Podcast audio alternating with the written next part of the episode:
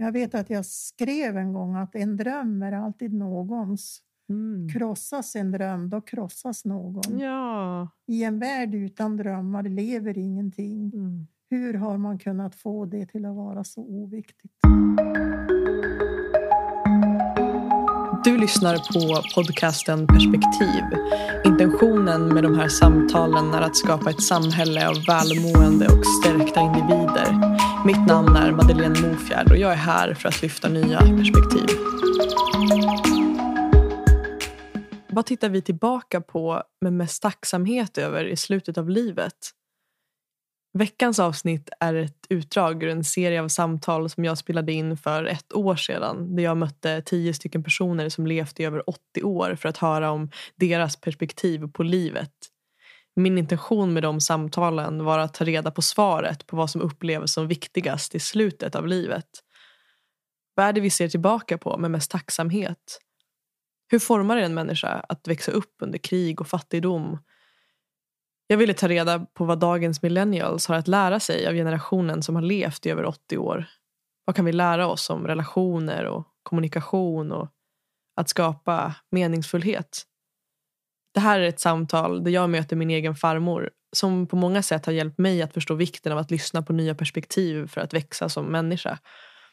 Jag har genom åren spenderat många stunder i samtal med farmor och vi bor på 60 mils avstånd och pratar i telefon regelbundet. Något som jag ofta glömmer att fråga henne om är livet. Om det som får henne att känna sig levande och om det som hon är stolt över och det hon längtar efter. I det här samtalet så får jag äntligen ta den chansen och lyssna till hennes berättelse. Hur var det egentligen att växa upp på 30-talet? Och som alltid, om du upplever det här meningsfullt så kom ihåg att dela på din story och tagga mig eller berätta för en kompis så låter vi samtalet leva vidare. Och nu, låt oss välkomna min egen farmor till samtalet. Är du nervös farmor? Ja, jag. Innan, du, du sa precis innan vi tryckte på play att, att eh, du hoppas att det är ja och nej-frågor. Är det de frågorna bara du vill ha där du kan svara ja eller nej? Nej, Eh, Det var en dum fråga att in- inleda med. Hur eh, känns det att sitta här med mig som är ditt barnbarn och prata om dig, eller vi ska prata om dig. Hur känns det? det känns väldigt overkligt. Mm. Det har jag aldrig kunnat tänka mig Mm, Nej, att jag någon gång i livet skulle göra. nej. nej, det förstår jag. Och det är ju lite konstigt, vi sitter ju här med två mickar och det är liksom, ja, det är ju lite annorlunda sätt att prata på. Men jag hoppas att vi kan ja, glömma bort dem om ett tag. Ja, det hoppas jag med. Ja. Men känns det obekvämt att vi har all den här utrustningen? Känns det Nej då, det går ganska bra. vad bra? Mm. Ja, nej men eh, till att börja med så för mig är ju det här väldigt speciellt därför att och därför är jag också lite nervös därför att hela den här podden perspektiv är ju skapad egentligen som en hyllning till dig och allting som du har gett mig. Så att få sitta och prata med dig i den här podden är ju, är ju helt otroligt. Och att också få säga det till dig. För att mycket av det som jag är kommer ju från dig. Och hela anledningen till varför jag ville starta perspektiv var ju för att förstå eller för att jag är så tacksam för att jag har fått sitta med och lyssna när du har pratat med dina vänner och den du har liksom Jag har suttit med egentligen runt alla fikabord och lärt mig av din generation. Eh, och det har ju varit... Jag är säker på att det har format mig så mycket att jag fått ta med mig saker från dig och dina vänner. Och det är jag så tacksam för. Och då tänker jag att med den här podden då, genom att lyssna på dig och lyssna på din generation så är det inte bara jag som får uppleva det här perspektivet utan också kanske andra som lyssnar på de här samtalen. Så därför känns det ju jättefint att få sitta här med dig idag och få höra om dig. Ja, Ja. det kanske är saker som du aldrig har vetat, Nej, aldrig precis. har hört, Nej. aldrig har trott. Nej, precis. jag hoppas det, jag får reda på lite hemligheter. Nej, men och det jag tänker också, precis att vi, du och jag har ju en väldigt, eller jag upplever det som att vi har en jätte, jättenära relation. Mm. Och vi pratar ju faktiskt väldigt ofta ändå. Eh, nu bor jag i Stockholm och du bor i Umeå, men vi har ju en, jag är så tacksam för vår relation och att vi pratar mycket. Men jag tänker att det här ändå kan bli ett ännu djupare samtal. Och som du säger, att du kanske kan berätta saker som jag aldrig har hört förut. Så det ska bli spännande. Men um, om du tittar tillbaka på ditt liv. Vad skulle du säga att du är mest stolt över idag? Om du tänker på allt som du har upplevt. Eller ja, Det kan vara relationer, familj eller jobb eller vad som helst. Ja, det jag är mest stolt över det är väl kanske mina barn och mina barnbarn och barnbarnsbarn. Det kan göra mig väldigt stolt och jag tänker på, på alla. Alltså, vad man har fått vara med om. Det, då kan jag känna stolthet. Och sen tycker jag att alla har lyckats väldigt bra. Ja, men det måste vara en, en otrolig känsla att känna att, att ha skapat det. För det har du ju ändå. Alla barn och barnbarn kommer ju från, från dig på något vis. Ja, på något sätt är det ju så. Ja, ja men verkligen. Ja, men det är ju det. Och jag känner ju mycket, eller men just den här tacksamheten. Att mycket av det som jag har i, i, i mig och saker och sidor hos mig själv som jag är stolt över. Att mycket av det kan jag ju se också kommer ifrån dig och kommer ifrån pappa eller kommer ifrån, ja men allting förs ju vidare. Så det är väldigt, det, det ska du vara stolt över. Ja, det låter ju väldigt roligt att höra. Ja, nej men verkligen. Mm. Jag har ju fått höra lite grann om din barndom och sådär. Mm. Och den känsla jag har, jag vet inte om det är rätt, mm. men den känsla jag har av det lilla jag vet mm. är att, att, att du har mycket positivt att säga om din barndom. Stämmer det? Ja, jag tror att jag kan säga att jag har bara positivt att ja. säga om min barndom. Vad fint, för det har jag verkligen jag har känt det efter det lilla vi har pratat tidigare. Och hur du har berättat om dina föräldrar. Och mm. Du hade ju mycket syskon och, mm. och sådär. Så det är fint. Men vad skulle du säga, är det några så starka minnen som utmärker sig från barndomen?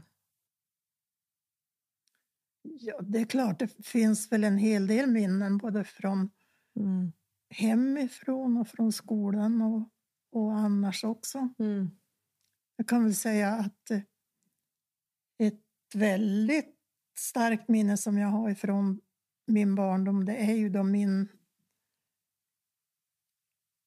mamma fick sin andra son som mm. då mm-hmm. var det åttonde barnet. Så att det, och då bodde vi i en by som hette Skansholm mm. och hade ett hus men det var bara inrett på nedre våningen så det var två rum och kök. Mm. Och mamma skulle då ligga i lillrummet som vi sa mm. och skulle föda barn. Och så minns jag när barnmorskan kom in och så rusade in till mamma ja. där i lillrummet och vi var ju då alltså då var vi sju syskon. Mm som satt där uppradade i köket på kökssoffan. Ja. Och, och det var spännande och vi hörde ju då fröken Holmberg hette barnmorskan, en lite barsk ja. stor kvinna, ja. kom in med sin bruna läderväska och så försvann in till mamma. Och pappa kom ut och, och liksom mm. sa att vi skulle vara tysta då. Mm. Och, så där. och jag tror säkert att vi satt som ljus allihopa. Mm. Och sen då ja, vi hörde väl ljud därifrån. Och jag tror inte mamma lät, hon var nog väldigt tålig. Mm. Men jag minns då när barnmorskan kom ut och så höll hon våran och sa, ni har fått en lillebror. Och så höll hon våran lillebror upp ner. Hon hade fingrarna på ett speciellt sätt mellan hälarna mm. och lyfte han. I fötterna alltså? Ja, i Aha. fötterna. Och så sen hade vi inget varmvatten utan vi hade en sån här emaljerad slaskko som fanns mm. då på mm. den tiden bara i köket och så en kallvattenkran. Så skruvade hon på den där kallvattenkran ah. och så tog hon kallvatten i hand och så enligt min minne så daskade hon han på stjärten alltså. Mm. Ja. Och eh, sen så började han skrika. Ah. Och då slutade hon och så gick hon in till mamma mm. igen. Mm. Så i efterhand så har jag ju förstått det att han kanske hade lite svårt för att andas när han kom ut. Mm, det. Så det, det minns jag väldigt väl. Ah. Ja, vad fint. Och, men, och varför tror du att just det minnet av den, för det var då det blev sista syskonet som kom, eller hur? Nej. Nej, det kom fler det var, efter? Ja, det kom en pojke till Aha. sedan. Så ni var totalt, vad blir det, tio? Vi blev åtta syskon då. Ah, okay, det var det åttonde alltså. Mm. Okej, men, och, men jag tänker varför just den födseln blev så stark eftersom att du då hade redan så många syskon. Ja, var det men något speciellt? De med- andra syskonen tror jag inte att mamma låg hemma. Nähä, mm, För jag har inget, jag har inget minne av det. nej. Men just då vet jag att hon Mm. låg där hemma. Mm. Ja. Det är ju speciellt. Jag tänker det är ju inte så vanligt heller idag att man föder hemma. Nej, men då var det ju det. Det var Vi det är då, ju ja. född hemma alla. Ja, ja. Jag, jo, jag tror nästan. Det kanske det är Ja. någon av de yngre syskonen som är född på BB Ja. i Vilhelmina. men Ja, Jag är inte så säker på det. ja, just det. Så du föddes alltså i Vilhelmina? Ja, jag födde i en by utanför Vilhelmina som heter Järvsjöby. Mm. Just det. Järvsjöby. Mm. Och vilket, eh, vart i sk- syskonskaran kom du? Jag kom som den fjärde. Ja. Fjärde flickan alltså. Ja. Men hur var det? Det måste ju vara då så att du, för då blev ju du, ja du var ju både lilla syster och stora syster, men fick du ta mycket ansvar då som stora syster till dina småsyskon eller hur blev den? Jag vet inte, jag hade ju då tre systrar som var äldre än mig. Mm. Så det är klart, vi var väl många som delade på det ansvaret. Mm. Ska jag tro. Mm. Ja. Det är väl det som är positivt med att ha många syskon tänker jag. Ja, ja, det är jätteroligt. Ja, ja vad fint. Men och hur, hur ser minnena ut från dina föräldrar? Har du, hur, var liksom, hur var relationen till dem när du var liten och sen under livet? Relationen var väl väldigt bra, ska jag vilja säga. Mm. Eh, pappa han var ju väldigt god. Mm. Det tror jag nästan alla Mm. som har känt han har sagt. Han var... Ja, jag minns aldrig jag hört han brusa upp eller någonting. Det tror jag aldrig jag har gjort. Och, och mamma också var lugn och samlad, det kan man nog säga. Men i efterhand har jag förstått att hon måste ha haft ett fruktansvärt jobb. Ah. Men hon gick ju nästan alltid med barn. Alltså, när jag var tio år, Mm. då föddes ju min lillebror. Då, Mm. tio. Och då var, blev vi ju nio syskon. Ja. Och så sen har jag ett klart minne utav att jag tror att mamma fick något missfall däremellan. Därför att hon låg uppe och, och det var någon, det var någon barnmorska eller någon doktor som var dit, det kan jag inte säga riktigt säkert, men, men och vi fick inte gå upp dit. Nej. Så att därför så tror jag att hon hade nog bjudit på fler än nio stycken. Mm. Ja. Ja, det, mm, så kan det ju ha varit. Jag, det jag slås av, jag kommer ihåg att jag pratade med en annan kvinna, ehm, en annan intervju då till den här podden och just då pratade vi om att det förr i tiden var mindre vanligt att, att de vuxna delade med sig till barn om vad som hände. Jag tänker att om, om vi till exempel idag då hade kanske förlorat ett barn så, Mm. så tror jag att det hade varit kanske större chans att föräldrarna hade delat med sig kanske till barnen. Ja. eller hur tror du att det... Nej, men det tror jag, för jag, Mm. jag kan aldrig minnas att Nej. mamma och pappa nämnde någonting om det. Men Nej. då jag minns tillbaka händelserna där så då tänker jag det, men det var nog det. Det var nog Mm. därför mamma låg. Just det, ja. Ja, att du kan se det i efterhand. Ja, Liksom. Ja. Så jag tror, det är Mm. därför jag, men jag har alltså inte något 100% belägg för det. Nej. Nej, men det är Men jag förmodligen... tror det. Just det.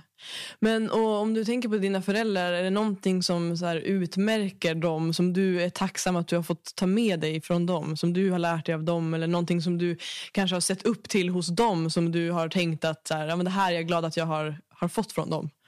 Ja, det är jag. Och det brukar jag säga. Jag är väldigt glad för jag kan till 100% säga att jag hörde aldrig min mamma och pappa bråka. Nej. Och jag vet att jag ganska tidigt bestämde mig för att om, om jag någon gång skulle träffa någon och gifta mig, Ja. då skulle jag inte bråka. Mm. Och det är klart, om jag håller det eller inte, det får väl någon annan svara på. ja, men det har varit Men din tanke i alla Det fall. har varit ja. min önskan och min tanke, alltså att Mm. jag skulle ha ett äktenskap som dem. Mm. Mm. Gud vad fint. Vilken Ja. gåva att få med sig den. Det känns idag, för Mm. mig känns det sällsynt att Ja. ha det som, eh, Ja. alltså att ha sina föräldrar som förebilder på den Ja. eh, biten. Så det var, var fint. Jo, och sen, jag minns så väl också att mamma kanske var lite mer reserverad eller blyg eller vad man nu ska kalla det Mm. för. Men pappa då, han försökte ibland att visa Mm. lite ömhet. Ja. För jag minns ibland då hon stod vid diskbänken så kunde han gå och lägga armen om Ja. henne sådär. Och då sa hon äsch alltså. Alltså han var lite mer Jo, ö- han- öm, ja. nej, hon Mm. var det hon också. Mm, mm, Och, och, um, men, men eh, jag förstår ju det att det var ju inte lätt för henne som nästan alltjämt var med barn. Alltså. nej. Nej, men och hur var det då? Jobbade hon med något? Det var liksom hennes uppdrag, det var barnen och Det familjen? var ju, hon Mm. hade ju ingen möjlighet att jobba. Men däremot så, min pappa var ju pastor inom pingströrelsen. Mm. Och det var ju mycket möten och, och, Mm. eh, och så där. Och mamma hon spelade gitarr och Mm. sjöng. Och hon försökte ju så mycket som Mm. möjligt Mm. vara med då, pappa. Mm. Men det är klart att det var ju inte så lätt alla gånger. Och så sen hade de ju ingen bil. Nej.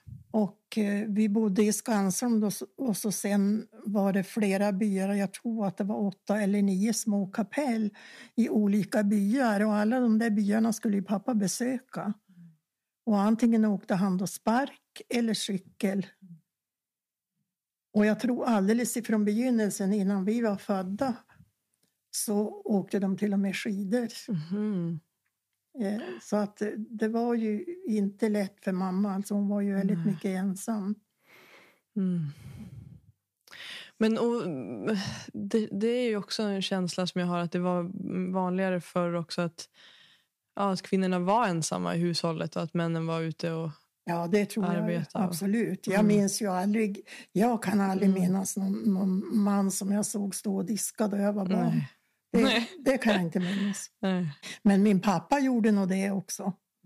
Och så brukar han baka ibland. Mhm. Men han bakade bara en sort och det var en sort som ingen annan kunde göra och han kallade det för pöfser. Puffser? Ja. Aha. Ja. Vad var det då? Ja, det, det var bara mjöl och socker och mjölk och så var det väl bakpulver i och så klickade han ut det på en plåt.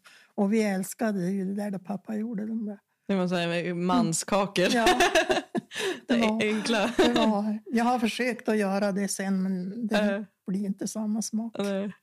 Ja, gud vad roligt. Mm. Men blev det då så att, så att du hade... Eller upplevde du att din relation med mamma blev närmre än med pappa eftersom att hon var mer närvarande? Eller hur? Nej, min relation med pappa var nog kanske... Jag tror att vi var väldigt lika varandra på något Mm. sätt, pappa och jag. Jag har förstått det. Mhm. Så jag tyckte nog att jag hade lika nära relation till pappa som till Mm. mamma. Mm. På vilket sätt kan du säga att ni var lika? Är det något speciellt du tänker på då? Ja, vi var väl... Jag tror ju att jag har ordet om mig att jag har varit ganska lugn. Mm. Jo, Ja. Jag tror att någon motsats har man kanske inte så... Inte det första man och, tänker på. och pappa var väl det också. Ja. Och, och sen så... Det är väl alltid så, tror jag, att, att vi... Ja, jag vet inte hur jag ska förklara det, men att pappa stod mig väldigt, väldigt nära på något sätt. Han var nog min idol, helt Ja. enkelt. Gud vad fint. Ja. Ja. Mm. Men var mamma mer... Skulle du säga att hon var mindre, eller du beskriver det som positivt att pappa var lugn. Ja. Och det är ju verkligen, det kan jag ju se i dig också. Och det är också en egenskap som jag är stolt över att jag, att jag har och verkligen vill fortsätta alltså, ja, anamma den Mm. sidan av mig själv. Att, äh, det här lugnet. Och, Mm. Men skulle du säga att mamma var mindre utav det? Nej, mamma var, jag minns aldrig att hon brusade upp eller något sånt Nej. där. Eller det. Så då var hon också, Mm. det tror jag att hon var. Mm. Men, men ja, sen var det ju så att eh, då jag hade blivit lite äldre så följde jag med pappa på hans predikoresor. Ja. Det var just då jag hade gått ut skolan och jag gick skola bara sex år. Mm. Så jag var ju inte så gammal då när jag följde med han upp till Norrbotten Aha. och eh, var med han i två månader tror jag. Mm. Mm. Så det blev ju liksom då att vi kom väldigt Mm. nära varandra. Ja, vad fint. Det måste också varit ett, en, ett, liksom en gåva att du fick följa med. Jag tänker om ni var så många barn och att Ja. du fick Ja, följa med. det Liksom. var väl just för att jag hade just slutat skolan då så Mm. kunde jag följa med. Mm, ja. Och, och sen så var ju han då och eh, hade besökte olika pingstförsamlingar i Norrbotten. Så vi åkte ju från flera olika ställen där uppe. Och då minns jag speciellt, vi var i en by som heter Vallfors. Och där var vi i över en månad hela tiden. Och, och eh, där var det väldigt spännande. För att då, ja, jag var ju, jag vet inte om jag hade fyllt 13 år då, så fanns ju unga killar där som jag Ja. aldrig har lagt märke till förut. Nej. Men då alltså. Men då, då jag minns Mm. en, bara det var en kille som hette, ja Rudolf kanske han hette, Mm. och han hade en bil, alltså det Mm. hade jag ju aldrig träffat någon kille som hade en egen bil. Nej. Nej. Ja, det var Så, spännande. så det var väldigt spännande. Och det var oftast han som skjutsade pappa och mig då, till, då vi var på olika möten där. Så det, det var Ja, det var väldigt rolig tid att tänka tillbaka på. Ja. Mm. Men fick du då liksom, fick du fritt spelrum eller vad man ska säga? Ja. Att, att prata och träffa de här killarna? Då, Nej, eller, inte så, nej. Utan det var mer att nej, det var... Ja, nej, det var bara... ja. Nej, det, De, de fanns där och det var de spännande. fanns där Mm. liksom. Och, och den här Orald hette han ju, kommer jag ihåg det, för det var så ovanligt namn. Ah. Och det var mest han som skjutsade oss då Mm. till de här olika Mm. byarna. Och sen det roliga där det var ju att jag hade lärt mig spela lite orgel och så hade jag fått en gitarr. Och då spelade ju jag och där uppe så fanns det ju ingen organist eller det och jag hade sagt åt pappa att du får inte säga att jag kan spela orgel för det Nej. kan jag inte. Jag kan två sånger alltså. Mm. Men eh, och så var det en gång då, då spelade jag gitarr alltså Mm. och stod där uppe ensam med min lilla gitarr Ja. och skulle, ja det var spännande. Ja. Men eh, jag fick ju mycket uppmärksamhet. Ja. Men då var det en gång pappa hade lovat mig att jag skulle inte behöva spela. Mm. För jag sa jag vill inte, jag kan inte. Nej men du ska inte behöva, sa han. Nej. Men då var det, minns jag så väl, en liten farbror längst ner i lokalen där som sa då att men eh, har inte broder Erikssons dotter spelat gitarr? Då var det kört. Ja, då var det kört. Ja. Ja, Ja. så att det var jag. Och det, det, det är en minnesrik tid faktiskt. Ja. Gud vad spännande. De två månaderna. Det måste ju varit utvecklande också att få vara, ja, men som du beskrev, att du fick uppmärksamhet, att få stå i centrum, att få känna att du fick det förtroendet Ja. att spela. Ja, Och, ja. Det måste ju ha varit fint. Och det är ju faktiskt någonting, du är ju fa- fortfarande väldigt duktig på att spela gitarr. och Nej. Sjunga. Jo, är jag faktiskt inte. ja, men då, det tycker jag. Men, Mm.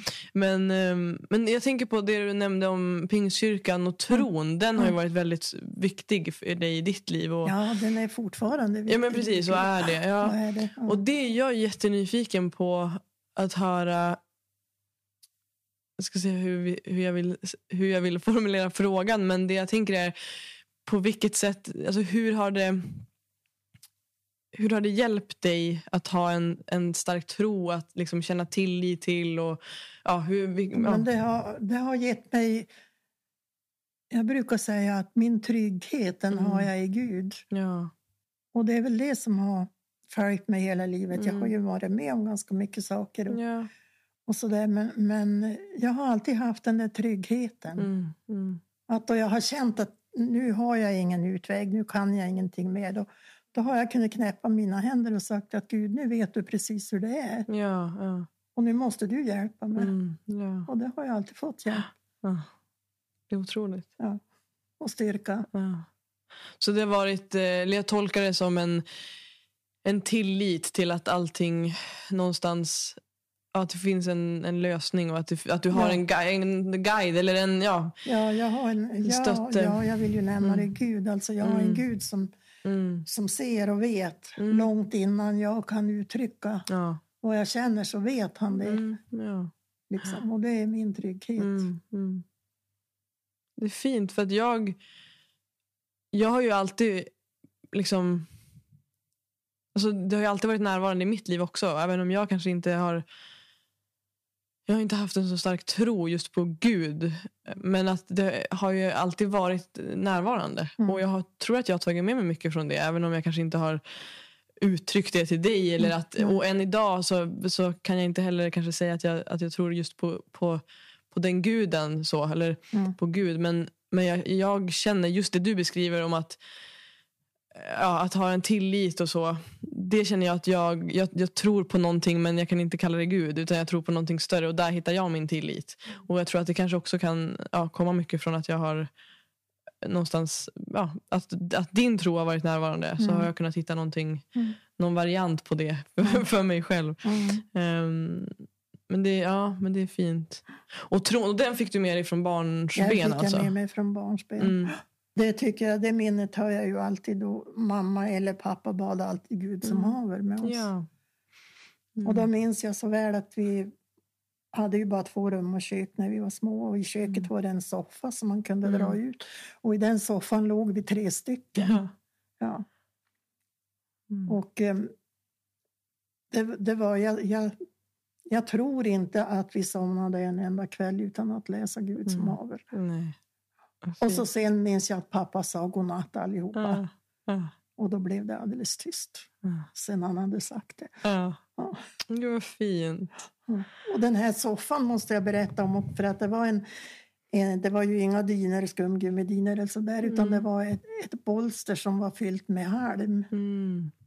Och den där halmen fick ju mamma och pappa då utav bönderna runt omkring mm. på hösten när de hade tröska. Mm. Och så fyllde vi den där bolstret med den då, och då var ju det som mm. en stor, stor boll som låg i sängen. Och, och, det var så spännande att få gå och lägga sig den där kvällen då det var ja. nyfyllt. Alltså, ja, Men till saken hör ju att innan våren kom då igen, då mm. låg man ju nästan nere på botten för då hade ju den där ja. halmen sjunkit ihop. Så att, ja. Men eh, ja, vi mådde nog bra av det ändå. Så det var en halmsäng alltså? Ja, det var mm. halm. Mm. mm. Det är otroligt. Det är ja. någonting som jag slås av. Att, det är här, att din generation, ni har ju verkligen varit med om så otroligt stora förändringar. Ja, oh ja. Alltså det är sådana extrema oh ja. skillnader. Mm. Och det tänker jag på hur det är. Ja, men hur, bara så som jag till exempel lever mitt liv. Mm. Jag vet ju det att det, det kan vara svårt ibland att men bara en podd liksom. Vad är en mm. podd? En podd fanns inte för 70 Nej. år sedan. liksom. um, och alla de här extrema kontrasterna. Hur tycker du att, att det är att leva i? Att det har förändrats så mycket? Och hur känns det idag? Att, äh, det, ja, det går så mycket framåt. Det är så snabbt. och det är liksom, ja, en helt ny... Jag tror väl att det är både på gott och ont. Men mest skulle jag väl nästan vilja säga att det är på gott. För att mm. det var ju mycket jobbigt för och, och många människor som hade det svårt då också, och fattigt och, och, och sådär. Så att det, jag tror nog att förändringen är ändå till det bättre. Mm, ja. ja. men precis, det är, det är väl det som du säger på gott och ont. Det finns eh, alla delar av det. liksom. Um, mm. Men jag tänker på för att ta det tillbaka till barndomen. Mm. och eh, kärleken. är jag såklart väldigt nyfiken på. Hur eh, Har du nått, om jag tänker ditt, dina första minnen av kärleken? ja, det har jag väl. Vi bodde i en by som hette Lömnäs mm. då. Och eh, där i kyrkan då fanns det en kille och han mm. blev väldigt förtjust i mig. Jag var då 12 år tror jag. Mm. Alltså jag slutade ju skolan när jag var 12 år så det var just det mm. året. Ja. Och um, han hade ett gott öga till mig. Det förstod jag ju. Och um, så skulle jag en jul skulle jag vara hos hans mamma och baka till jul. Mm. Och då hade de ett kök på övervåningen. Och där skulle jag hålla till att baka. Och där hade den här killen också sitt sovrum. Mm. Och, men han var ute med sin pappa i skogen på dagen. Och jag hade ju känt liksom att han hade ett gott öga till mig, det måste jag ju erkänna. Ja. och, och em, så mitt på dagen då kom han hem Mm. och sa att han hade huggit sig i benet. Ja. Och då var ju han liksom tvingad att gå upp till sin säng och Ja. lägga sig där. Alltså, där stod ju jag och bakade. så det var lite penibelt faktiskt. Ja. Lite rodnade jag nog alltid. Ja. Jag. Men vad då, fick du hjälpa han eller vad hände då? Nej liksom? då, han, han var bara där med mig då. Mm. Och eh, sen så kom hans pappa hem på, mot kvällningen då vi skulle äta middag. Och så när vi satt vid middagsbordet där då, då sa hans pappa, men du Jan, han, det såg väldigt konstigt ut det där trädet, sa han, då du sa du hade huggit dig i benet. Ja. Och jag kände jag blev alldeles, alldeles röd, för det hade ju jag förstått också att det var självförvållat. Ja. För att han då skulle få komma hem och så vara tillsammans med mig. ja. Det var uträknat liksom. Det var ju räknat. Ja. Så det var, det var väl den första känslan jag har haft Mm. någon gång. Men det blev Mm. ju intet utav den känslan. Nej. Nej, det blev ingenting med honom. Men det Nej. var första gången du kände liksom... Ja, som jag kände Ja. att någon brydde sig om Ja. mig på Mm. det sättet. Mm. Alltså. Ja. Det, Hur gammal var du då? ja, då var väl jag 13 år kanske. Ja. Ja. Mm, fint. Och så sen skulle vi flytta ifrån den där byn då. Jag var väldigt ledsen. Och jag, det var en liten sjö där så jag var tog en båt och så rodde jag på andra sidan sjön för jag ville all, få vara alldeles för mig själv. Ja. Så satt jag där på en sten i skogen och så får jag höra årtag liksom som kom. Nej, tänkte jag, hjälp, nu får jag inte vara ensam här. Ja, då var det ju han som hade upptäckt att jag Ah. for dit. Och då kom han ju för att visa mig då ja. sina känslor. Liksom. Mm. Men visade han det genom att han, eh, att han, alltså hans handlingar eller var det någonting han också uttryckte och sa? Nej, han sa väl inte så mycket, men han försökte väl att hålla om mig och, Ja. och sådär. Ja. ja, wow. Mm. Men vad fint ändå. Mm. Men sen så flyttade ni därifrån då? Ja, eller? vi flyttade därifrån. Ja. Och då flyttade mamma och pappa till Piteå. Mm. okej. Piteå. Mm. Och det var ju första gången Ja. jag då hade varit... Då... Nej, det var nog året innan de gjorde det, just det. För jag, Mm. jag gick sjunde klassen kvar i Skansholm i skolan Mm. för jag ville göra det. Mm. Men alltså det var ju som mitt sjätte skolår då. Mm. Mm. Så det är svårt att komma Mm. ihåg ordningen där. Ja, jo, jag förstår. Mm. Men någonting som jag verkligen ser upp till hos dig, nu tänker jag tillbaka på det här med kärleken. Mm. Och jag tror, eller det känns som att det är någonting där du kanske skiljer dig från många andra i din generation. Är min uppfattning i alla fall. Men jag ser upp till att du, det, jag har inte upp, eller min känsla är att du har aldrig stannat i någonting där det inte har varit bra. Alltså att när, det har, när du har varit i relationer där det inte har varit bra för dig. Mm. Eller för, ja, Mm. jo, men att det inte har varit Mm. bra. Så har du lämnat liksom. Ja. Och, eh, och det ser jag verkligen upp till. För att det kan jag ju se att... att eller, jag, jag, har no, jag har något svagt minne av att du och jag någon gång har pratat om det här. Och att jag kommer ihåg att det fanns lite så här nästan lite som att det fanns en förväntan på att, ja, men, så, vi, att, att ha vuxit upp under de, år, de åren du vuxit upp, Mm. eller växte upp. Ja. Att, att det kanske det, rätta inom citationstecken skulle ha varit att leva med en och samma man under 70 Ja. år till exempel. Ja. Att det hade Mm. varit mer acceptabelt och mera ja, Mm. det fina sättet att leva på om man ska säga så. Men att du inte har rättat dig till det utan att du har liksom, ja, lämnat när det inte har varit bra. Och det ser jag upp till dig för. Ehm, hur har, hur har, liksom, eller är det någonting du har reflekterat kring själv? Nej, alltså jag kan väl säga att jag har väl sett mig själv som misslyckad i det fallet. Alltså. Så har jag väl sett på det. Att, att jag inte har lyckats. Eller ja, och det måste jag väl säga, kanske vi. mm, mm, Men alltså för min egen del så blir det ju jag. Då. Mm. Så det, det är väl ingenting som jag vill rekommendera, höll jag på att säga. Men, men alltså att hellre än att gå kvar i ett förhållande och förkvävas mm, så, så Mm. har jag ju lämnat. mm. Ja, men det är just det där, för det var precis nog det jag kommer ihåg. Att jag har fått den känslan av att du, att du har haft den känslan som du nu sa, att du känns som ett misslyckande. Och det tycker jag är eller det, ja, men det, det, är så synd att det ska kännas så. Samtidigt som att jag förstår det eftersom att vi har de här och ännu mer då du som växte upp under en helt annan tid. Förväntningarna på att det ska vara ett, ett långt vackert äktenskap i 70 år för att det ska precis. vara rätt. Liksom. Mm. Ja. Och det är ju en väldigt stor skillnad mot för hur det är idag. Och det kan jag ju tycka att, att, att någonstans balansen däremellan mm skulle vara den, liksom, någon slags fin... Att, att mötas i mitten av de här två mm. olika världarna vore fantastiskt. För mm. jag tänker att det finns något väldigt fint i att, att vilja att när vi träffar någon att vi gifter oss och sen att vi faktiskt ser det som ett livslångt, liksom, ja, det här, det här har en att vi ändå har intentionen att det ska vara för evigt. Men det tycker jag har, det saknas ju idag. Idag så träffas vi och sen så kan vi Eh, det finns datingappar och allt och det går så snabbt så vi kan eh, om, om det blir ett litet problem i relationen så kan vi hitta någon ny imorgon. Mm. Um, så, så jag, så, jag, tror inte att någon av liksom, ändra delar är rätt. Men jag tror att om man skulle kunna mötas så känns det som att där finns det någon slags ja, fin...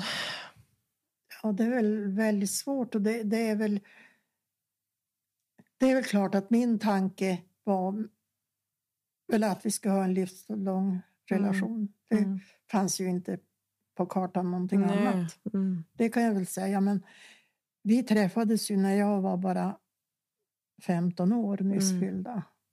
Och började ha ganska stadigt sällskap alltså. Mm.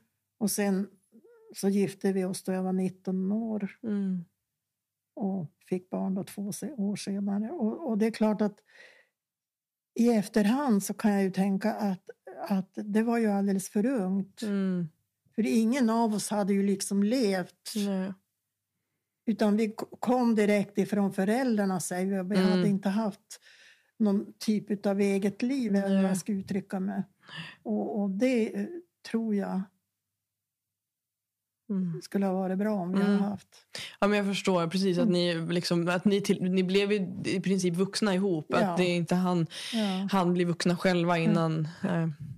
Ja, jag förstår. Det... Så att, det, det, ja, det, det är väl bara mm. så. Men alltså jag, hela tiden när jag ser på det så ser jag ju som att jag har misslyckats. Det, mm. det kan väl... Men det, det som är gjort är ju gjort. Mm. Man kan inte göra någonting åt det. Nej. Nej. Precis, men är det någonting du känner, för du beskriver det som ett misslyckande, är det någonting du känner att Alltså om du fick göra, om vi säger att du fick göra de här valen på nytt, skulle mm. du då ändå, trots att du att du lämnade någonting som inte var bra, mm. skulle du ha gjort ett annat val idag? Om du fick göra ett val på nytt? Nej, det tror jag inte. Utan mm. om jag skulle ha känt samma sak, att då skulle jag nog ha gått. Mm. Eller jag har gått, alltså vi har bestämt ja, oss för att gå. Ja, ja. Om jag säger det. Mm. Mm. Det, det. Men det är klart att jag kan väl tycka det att man ska ju försöka göra mm. så mycket som möjligt och vad man kan. Liksom. Ja. Precis. Det, det kan jag väl tycka, men mm. Ibland så är det ju mm. så. Mm. Jo. Ja, nej men det, det är fint och jag, men det är i alla fall någonting som jag Ja, om ett barnbarn kan vara stolt över en farmor så är jag i alla fall stolt över dig för det. ja, det, är väl ehm. roligt att höra det såklart. Ja, men det är också intressant att, jag, att det är någonting som jag tycker är, är fint men att du ser det som ett misslyckande. Men det, mm. det är fint. Um, Fint att du delar med dig i alla fall. Ja. Mm. Um, och något jag tänkte på, du, vi pratade tidigare och så sa du att du ville åka, eller när du skulle ro den här båten ja. uh, för att du ville vara ensam. Ja. Då tänkte jag direkt på att jag har ju ett väldigt starkt behov av mm. ensamhet och att mm. få vara själv och få vara med mig själv. Så. Um, det är någonting som har varit också liksom ja. viktigt för dig att få vara mycket absolut. med dig själv. Mm. Jag brukar säga att det är ingen som vet hur mycket jag har gått i skogen för mig själv. Nej. Hur många stenar jag har suttit på, hur många tallar jag har räknat, ja. jag på säga. Ja. Det är nog ingen som vet. Nej. Så fantastiskt, det är jättefint. För det är någonting som för mig, jag älskar ju också att bara gå i skogen och verkligen att vara själv. Och ibland har jag så nästan svårt att förstå För jag, jag vet att många människor har svårt för ensamheten. Mm. Att det är nästan som en panikkänsla. Mm. Att åh gud, nu måste jag ha eh, tv eller det måste vara ljud eller det måste vara någonting. För, för, och allt för att inte vara ensam. Men för mig är det för mycket frihet i att få vara själv. Um, så det är fint. Det kan jag kanske också ha fått från dig då. Ja, det är nog mycket troligt. Ja. För att, att eh, så har det varit. Mm. Och då, var jag då jag började med det och gå ensam ut i skogen, då var jag Mm. ganska ung. Jag kanske Ja. var 13 år Ja. Då jag Mm. började gå. Mm. Fint. Sitta på någon sten ute i skogen. Ja. ja, det är härligt. Skriva lite dikter och Ja. sådär. ja, skrivandet, ja precis. Lite, skriva ner lite tankar som man Mm. fick då.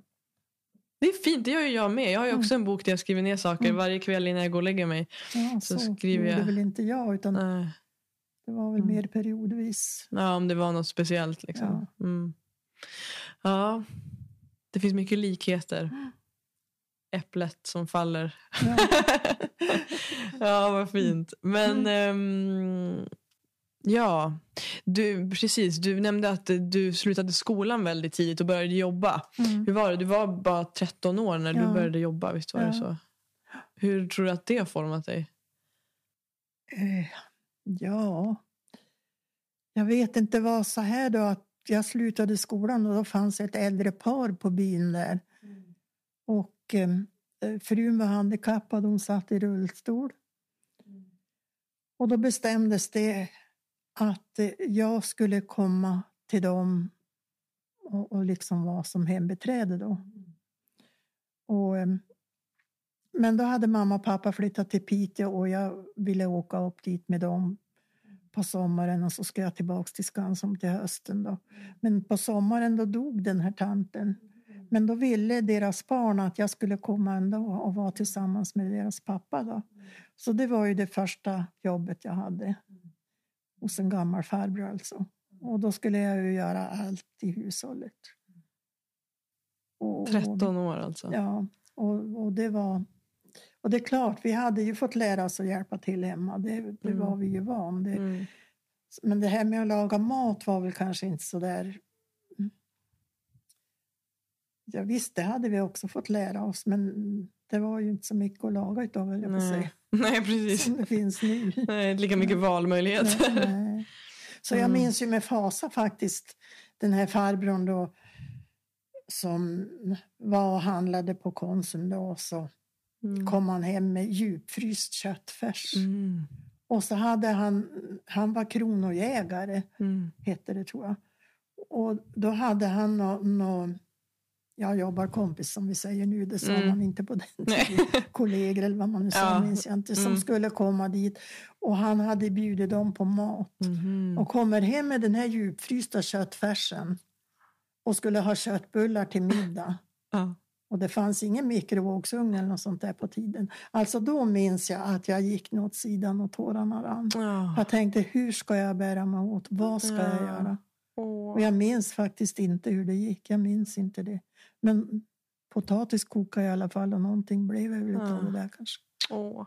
Men ja, det, det, det var faktiskt Ja, det var fruktansvärt. Det var väldigt, väldigt jobbigt. Ja. Ja, den där berättelsen kommer jag ihåg att du har berättat faktiskt. Den Ja. känner jag igen att jag har hört. Så det måste jag ha satt spår. Eh, och Ja. ju- just det där att men vara så liten och så helt plötsligt ska du... Eh, ja, jag kan förstå den där känslan. Och, Och så sen var det ju då på den tiden också så var det ju människorna hade lite mer olika rang på den tiden. Ja. Och den här eh, farbrorn han hade ju liksom en högre rang. Jag vet inte om han hade varit någonting inom det militära eller och jag förstod ju att det var ju kollegorna och han som skulle komma som var mycket, mycket, mycket, mycket högre Ja. än vad min pappa stod till exempel. ja, men då var det viktigt. Åh herregud. Ja. Ja, och sen då? Hur, hur utvecklades ditt um, yrkesliv? Vad, ehm, vad, hur har det sett ut? Ja, sen, sen började jag då när jag var 15 år som eh, telefonist i en by utanför Umeå som heter Mullsjöby. Mm. Pappa hade varit där och haft en vecka och hade bott hos en familj och haft möten på kvällarna då. Och de hade både post, affär och telefonväxel. Mm. Och så skulle de ha en telefonist. Och då hade ju pappa sagt att han hade ju flicka som nyss hade slutat skolan. Då. Och så då åkte jag dit och det var alltså på 55 tror jag. Mm. Och skrev, hettes ju då att jag var telefonist. Mm. Alltså, men det var ju lika mycket hemhjälp. Jag skulle Ja. ju sköta städningen och disken och allting plus Mm. telefonväxeln. Mm. Så att där, där började jag att jobba Mm. och lärde mig som telefonist. Då. Så sen träffade jag då Rolf, din farfar, Mm. där. Ja, ni träffades på... Ja, vi ah. träffades där. Ju. Hans farmor bodde i Mullsjöby, hette byn. Och eh, hans faster jobbade på affären där i samma hus där jag var. Mm. Hon var fem år äldre än vad jag var, men vi blev, väldigt, vi blev som kompisar, Ja. alltså hon och jag. Mm. Och sen vet jag att de skämtade väldigt mycket om då att de kan inte förstå att Rolf, då, din farfar, var så ivrig att fara och hälsa på farmor. Nej. Ja. Men det var väl någon som hade räknat ut då att det Ja. var ju för att jag umgicks med hans faster då. ja, just det, såklart. Så, Ja. så, så började det. Okej, så där träffades ni. Ja. Och hur, eh, hur uppstod det då? Vad, hur, hur blev det ni? Ja, säg det. det. Det fanns väl inte så mycket att göra och genom att han då var intresserad av att komma och hälsa på farmor då, för det var Ja. ju hans farmor som bodde där. Så ja, jag vet inte. Det, det blev Det så. blev så. Ja. ja, ja, vad fint. Men eh, och det vill jag ju faktiskt också, det är jag nyfiken på. För jag har ju nästan inga minnen av farfar. Nej, För jag, han gick ju bort när jag var bara två, Mm, ja. två tre år. ja. Vilket år, eller kommer du ihåg vilket år han gick bort? Nej, nu minns jag inte riktigt Nej. Ja, Nej, men nej, men- var väl inte, men jag var ju typ- liten i alla fall. Precis, ja, jag har i alla fall Mm. inga minnen av honom. Ehm, så, så det vore fint att få höra om man, om man tänker på de fina delarna med farfar. Mm. Vad skulle du säga att... Ja, men vad var de finaste delarna med farfar? Ja, du får ju berätta det dåliga också om du vill. Men... Ja, men alla människor har ju både fina och dåliga Ja, sidor. jo. Det har Mm. vi alla, mm, ska jag vilja säga. mm, Men han var väldigt glad och sprallig och mm, duktig var han. mm, Företagsam. mm, Mm. Det var, det var han faktiskt. Han, vi gifte ju oss då när jag var bara 18 år och fick ju barn efter ett och ett halvt år då. mm, Och, eh, och sen så fanns det där i byn där mamma och pappa bodde och där jag hade bott Mm. också då en bilverkstad. mhm, Och din farfar han var då bilmekaniker och jobbade i Nordmaling. Eh, men då, sen vi hade gift oss så bodde vi där i Nordmaling i några månader så flyttade vi till Lycksele. Och han jobbade på en större bilverkstad där då. Och jag blev ju ganska snart bevarn då så jag kunde ju inte jobba någonting då. Utan då, och så låg jag sjuk i halva tiden. Då, så då låg jag mycket hemma hos min mamma och pappa i mhm, Rödåsel. Då. mm. Och det, det var första barnet då? Ja, Och, Vem blir eh, det då? Det var... och eh, det var faktiskt så att pappa kom och hämtade mig. mhm, För att jag låg ju ensam på dagarna där i Lycksele Mm. då, och vi hade bara ett rum och kokvrå Mm. alltså. Mm. Och, de råkade komma dit en dag och skulle hälsa på och så låg jag. Så då, mm. då sa pappa det att nu ska du följa med hem. Ja. Här är ju inte något mer. Nej. Ja. Och, eh, så det, därav så kom vi till Rödåsel då. Mm. Och där fanns det då en bilverkstad. Mm. Så han började jobba på den. Ja, för mamma och pappa bodde i Rödåsel alltså? Ja. Mm. Och, men då flyttade de därifrån. Det hade de nog gjort innan vi flyttade dit redan. Mm. Men vi bodde där då och hyrde på kapellet där Mm. ett tag och så sen i ett annat hus. Mm. Och sen så byggde vi då en villa mitt i Rödanäs mitt emot verkstaden nästan och bodde där.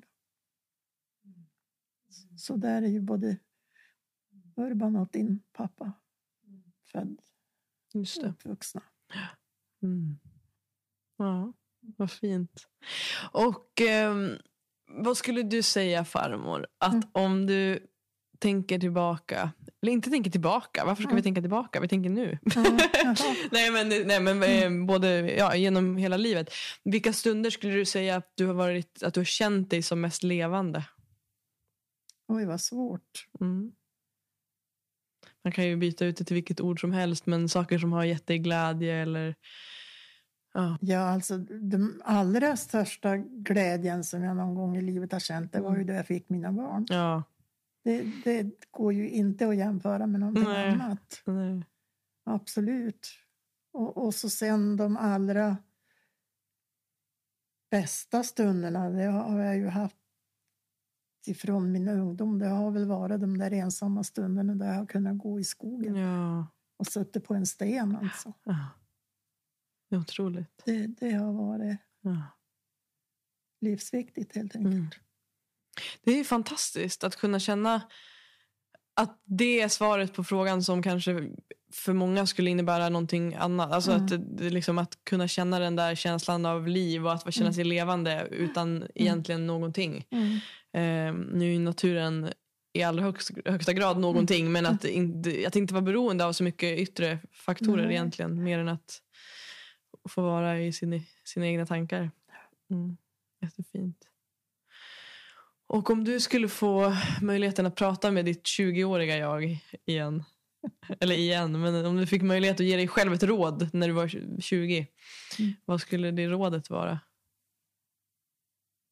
Ja, det är ganska svårt att säga. Mm. Men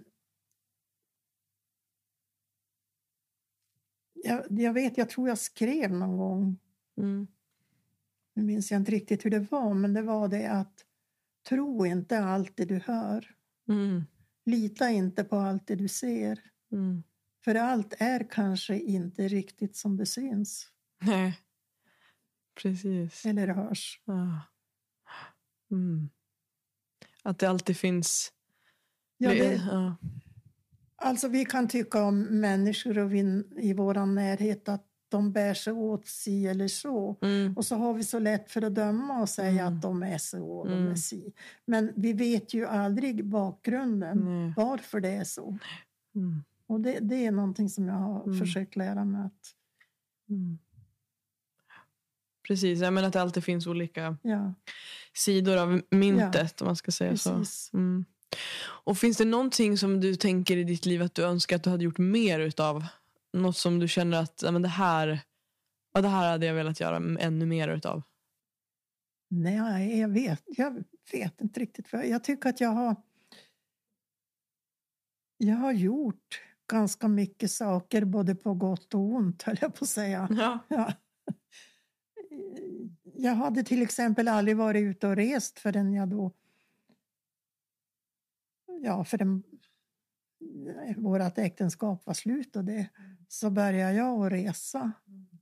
Och det var ju en absolut alldeles ny upplevelse. Så det var efter farfar alltså? Ja. Ja. Mm. Mm. Ja, och resa det har ju du gjort ganska mycket. Ja, jag har Ja. gjort det. Mm. Något resmål som har varit eh, som sticker ut liksom? Ja, men alltså det mest specifika det har ju varit den månaden vi var i Tanzania. Mm. Din pappa och jag. Mm. Ja. För då bodde min bror Roland och Gittan i Tanzania Mm. på en missionsskola där. Och vi åkte dit. Mm. Och det, det är väl det mest, den mesta resan jag kommer ihåg. Alltså som Ja. jag verkligen tycker var en upplevelse. Att liksom få bo i börsen nästan Ja. kan man säga. Och inte bo bland en massa vita människor utan det Nej. var min bror och svägerska och så var det en lärare. Ah. Ja. Och så sen var det bara Ah. mörka människor. Ah. Det, tyck, det, det är min största upplevelse. Det- Ja, och visst var det, det var verkligen i bushen. Det var inte liksom, Nej, nej, det ingen var- el och inget vatten och ingenting. Jo, eller det fanns. Nej, de hade väl något elverk där tror jag. Ah. Mm. Mm. Och vatten hade de ju i en brunn. Mm. Det var väldigt synd för vi var just där när skolan var, hade lov. För Mhm. annars var det en skola för missionärsbarn som Mm. de jobbade åt.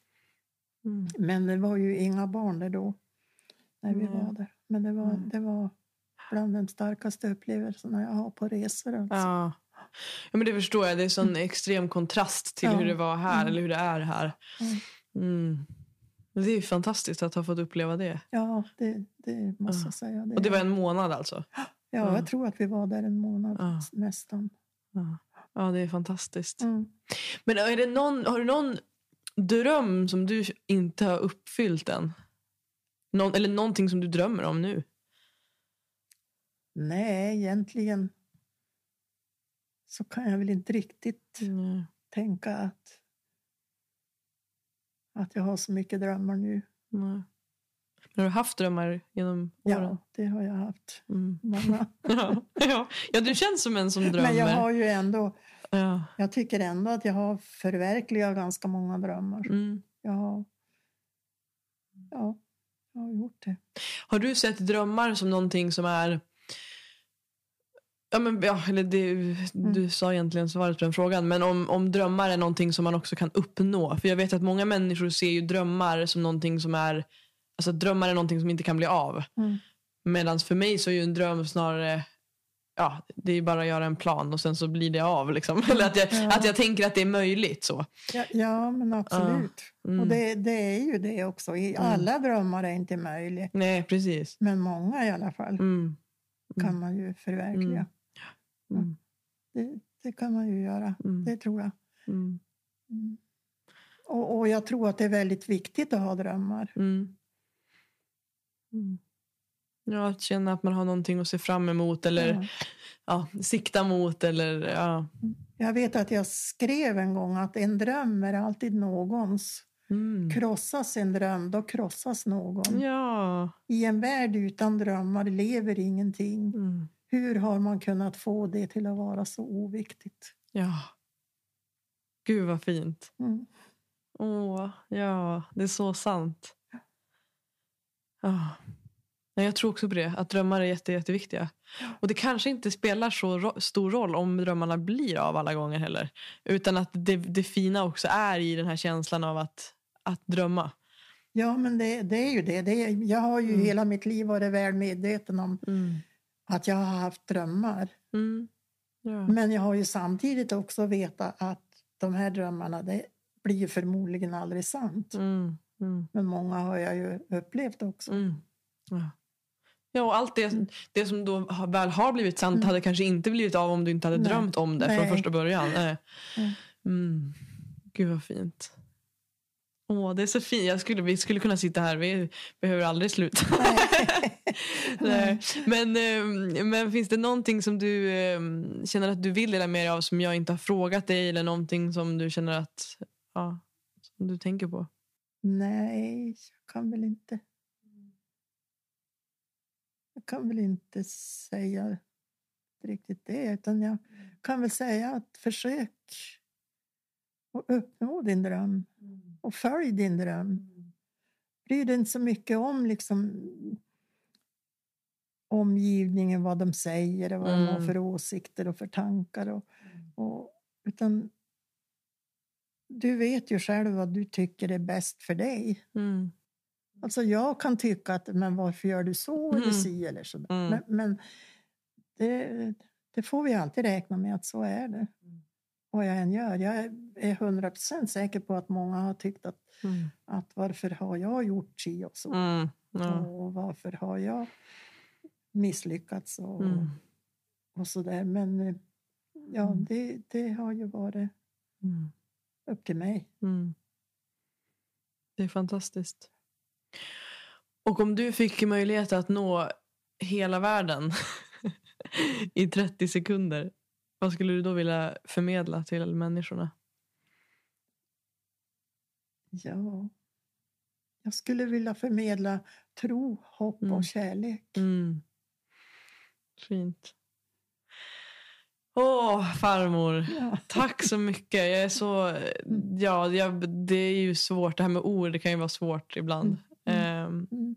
Men du är ju den viktigaste personen i mitt liv och jag håller på att börja gråta. Men jag är så tacksam för att jag får sitta här med dig och för att få haft det här samtalet. Mm. Och det här samtalet egentligen är ju ingenting av allt det som, alltså hela vår relation, allting, Mm. är så tacksam för det. det, det du har verkligen från att, ja men från jag kommer ihåg från när jag efter, ja, bara från sko skolan liksom när jag Mm. kände mig utanför skolan. Jag har ju alltid varit lite Mm. annorlunda. Ja, ja. Nej, men jag har ju liksom någonstans inte känt att jag har haft platser där jag kan vara mig själv. Där jag, ja, så Mm. skolan var ju första, liksom, där kände jag ju mig alltid Ja, eh, ut, jag vet inte om utanför är rätt ord men det var ju ganska, det var lite självvalt också att jag Mm. aldrig kände att jag kunde vara mig själv. Nej. Och då sökte jag mig till människor som, där jag kunde, Mm. tilläts vara mig Mm. själv. Och där var det ju verkligen så Mm. fint att, att du bodde så nära skolan och att jag fick liksom Mm. vara med dig. Du var ju min Mm. Bäst, bästis. Liksom. Och jag cyklade hem till dig och vi bakade och vi, Mm. på loven så var jag hemma hos dig. Och det har verkligen, jag är så tacksam för det. Det är helt otroligt. Ja, men det är jag också jättetacksam för. Det har varit väldigt roligt. Ja. Det. Det är så mycket minnen, så mycket kul vi har gjort. Alltså verkligen. Och jag tänker, det är också, nu när jag tänker på det, att bo nära skolan. Du har ju också alltid, alltså även när jag har bytt skola så har det ju bara hänt, Ja. blivit så att du också har flyttat. Ja, ja. precis. Ja. Så vi har alltid haft det. Det är verkligen, Ja. ja, jättefint. Jo, men det har jag sagt också. och Jag har tänkt och jag har sagt, Mm. tror jag också, att du har fått mig till att göra saker som jag aldrig har gjort. Nej, precis. Jag minns då vi var i Lycksele och jag, du sa att jag skulle åka den där långa vattenrutschkanan och Ja. jag tänkte aldrig. Nej, precis. Ja. Men det fick du ju mig till att göra alltså. ja. Ja. Ja. Och, och så där har det ju Ja. varit. ja. Det är så fint. Mm. Jag kommer ihåg någon gång när vi pratade om att eh, alltså, du skulle tatuera dig. Ja. det har vi inte kommit till Det- än. det- nej, så långt har jag inte kommit än. vi får väl se. När du närmar dig 90 kanske. Då får vi. Nej, men då tänker jag att då huden blir skrövlig och så där, då är det nog inte så vackert med Nej. tatueringar heller. Nej. Du får, du göra det någonstans där huden är len på, som jag på handen. Ja. Nej. Nej men det är fint. Det är verkligen, jag tror det. Vi har väl båda, som du säger, jag har kanske fått dig att göra sådana galna saker Mm. och du har ja, fått mig att våga just det här, våga tro på att saker och ting är möjligt och Mm. våga. Ja. Tack till dig som har lyssnat på detta samtal. Om du upplevde det som meningsfullt eller givande, kom du ihåg att prenumerera på podden i din närmsta poddapp. Lämna en recension och tagga mig på sociala medier när du lyssnar. Jag är så nyfiken på att höra vad du tar med dig. På så sätt så låter vi även samtalet leva vidare och fortsätta skapa förändring. Kom ihåg, vi är en del i att skapa ett samhälle av välmående, stärkta och empatiska individer.